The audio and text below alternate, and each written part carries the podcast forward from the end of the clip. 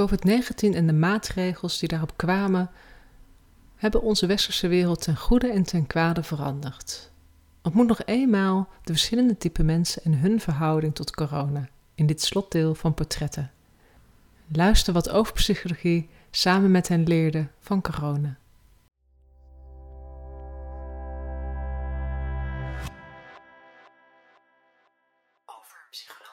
Hallo, ik ben Mirella Brok, relatietherapeut en schrijfster. En je luistert naar dit audiofragment van het artikel Fijn om te leren van corona van overpsychologie.nl.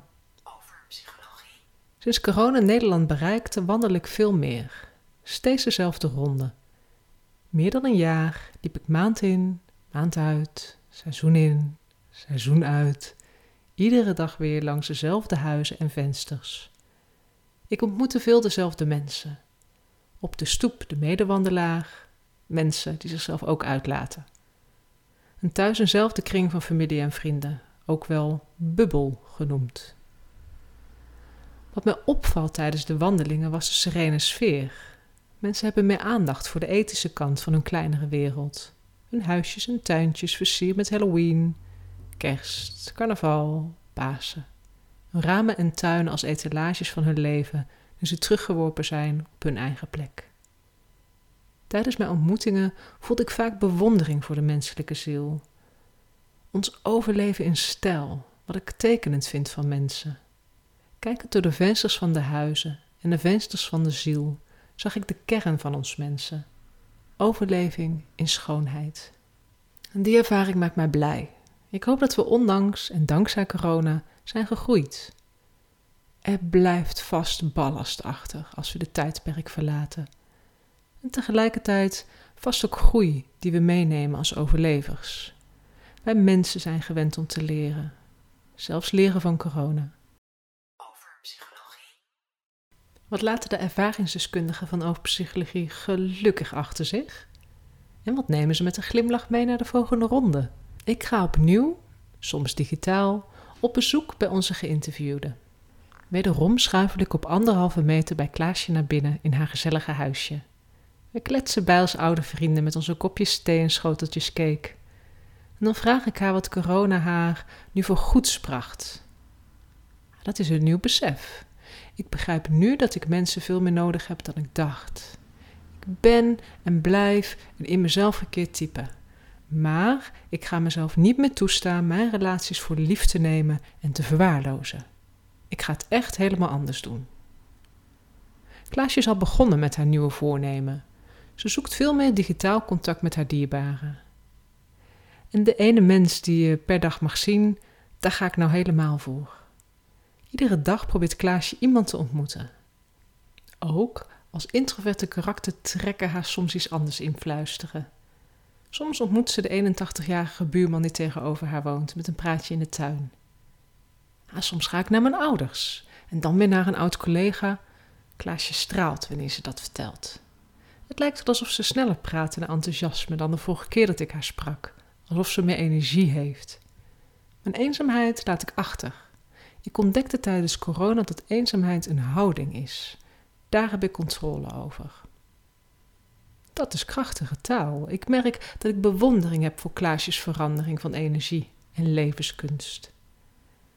Maar niet iedereen kan de draai naar blije gevoelens maken. Wanneer ik Brechtje en achtereenvolgens Jacco spreek via Zoom, is het zoeken naar het goede wat minder vanzelfsprekend. Toch vertrouw ik erop dat ook zij leren van corona. Brechtje neemt er ook van mee dat als ze nu naar buiten kon, ze dat straks ook zou kunnen. Haar afschuw voor mensen heeft minder controle over haar dankzij het oefenen in deze extreme ervaring. Het ergste hebben we gehad, niet? Een tijd waarin mensen niet enkel smerig, maar ook besmettelijk zijn. En zelfs toen kon ik blijven doorgaan. Al was het met onrust in mijn lijf. Ze is gegroeid, zo blijkt uit deze zin. Ze voegde meteen daarop aan toe dat het wel jammer zou zijn als de anderhalve meter regel verdwijnt. Het is te hopen dat mensen het nog wat langer in het systeem houden. Naast haar groei staat haar onzekerheid. In ons gesprek wisselen die elkaar voortdurend af. Jacco hoopt vooral dat andere mensen iets leren van corona en de crisis. Ja, dat mensen gewoon wat meer nadenken, wenst Jacco de mensheid toe. Wenst Jacco dit de mensheid toe? Of wenst Jacco's angst hem dat ze gemoedsrust toe? Ook de context waarin Jacco dat zegt ontgaat me even. Vandaar dat hij me later na wat doorvragen uitlegt. Dat mensen gezondheid en vrijheid niet meer zo vanzelfsprekend nemen. Ik vind dat mooi klinken. En tegelijkertijd vraag ik me ook hardop af hoe dat de wereld mooier kan maken. Ik denk dat mensen hierover sterker en zachter worden, antwoordt Jacco. Dat vind ik wijze woorden. En deze filosofische zin blijft een paar dagen bij me hangen. Ik herken daarin de filosofische inslag van Brian. En toen ik Brian de vorige keer ontmoette, was hij erg nuchter over corona, de maatregels en de impact op onze levens. Benoemd hoe hij hier nu in staat, besluit ik Brian op te zoeken naar mijn gesprek met Jacco. Toevallig werkt hij twee dagen later in de tuin van mijn buurman. En dus wip ik weer even langs met mijn wandelschoenen aan. Ook Brian vertelt mij, net als Jacco, in een monoloog over andere mensen en hoe zij veranderen kunnen. Er klinkt liefde door in zijn stem. Wanneer ik hem daarop wijs, zegt hij: Natuurlijk is de liefde voor mensen. Ik wens alle natuur het beste toe. En het beste dat de natuur mee kan nemen van een crisis is aanpassingsvermogen en verder gaan. Ik hoop dus dat mensen ook echt iets leren van corona en over zichzelf. Opnieuw krijg ik van Brian biologieles en filosofieles in één gesprek. Hij vertelt hoe sommige planten andere helpen groeien. Zo komen wortels naast uien in de moestuin.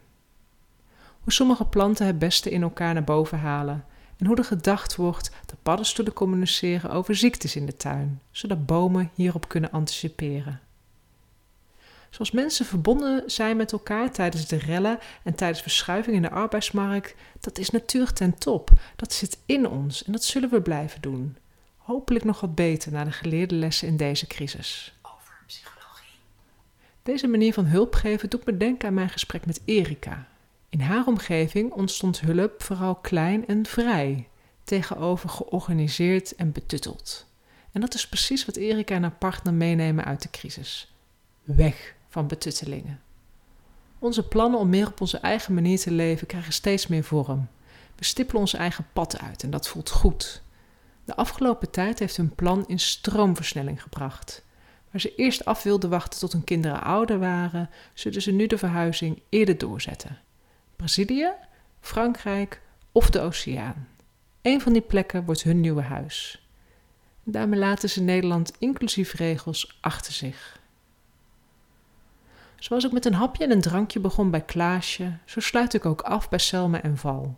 Het vrolijke stel dat we van verbazing steeds weer in verbazing zagen vallen. We drinken eerst thee en wanneer de vier in de klok zit, stappen we over op wijn en tapas. Dat mag in coronatijd, volgens onze regels, zegt Val knipoogend. Dat is dan ook een van de dingen die ze mee willen nemen als les voor na coronatijd. De dinsdagmiddagborrel andere lessen die ze mee willen nemen, omdat het hun blij maakt te zijn, humor zien in donkere tijden, op het val. Vertrouwen in de flexibiliteit van mensen, vult Selma aan. Selma nooit volgen bij het gokken, bedenkt val op zijn beurt. En natuurlijk onthouden hoe bevoorrecht we zijn dat we mogen werken. Maar het zal mij verbazen of het ons lukt om al die lessen te blijven herinneren, lacht Selma. Wedden? vraagt Valschalks.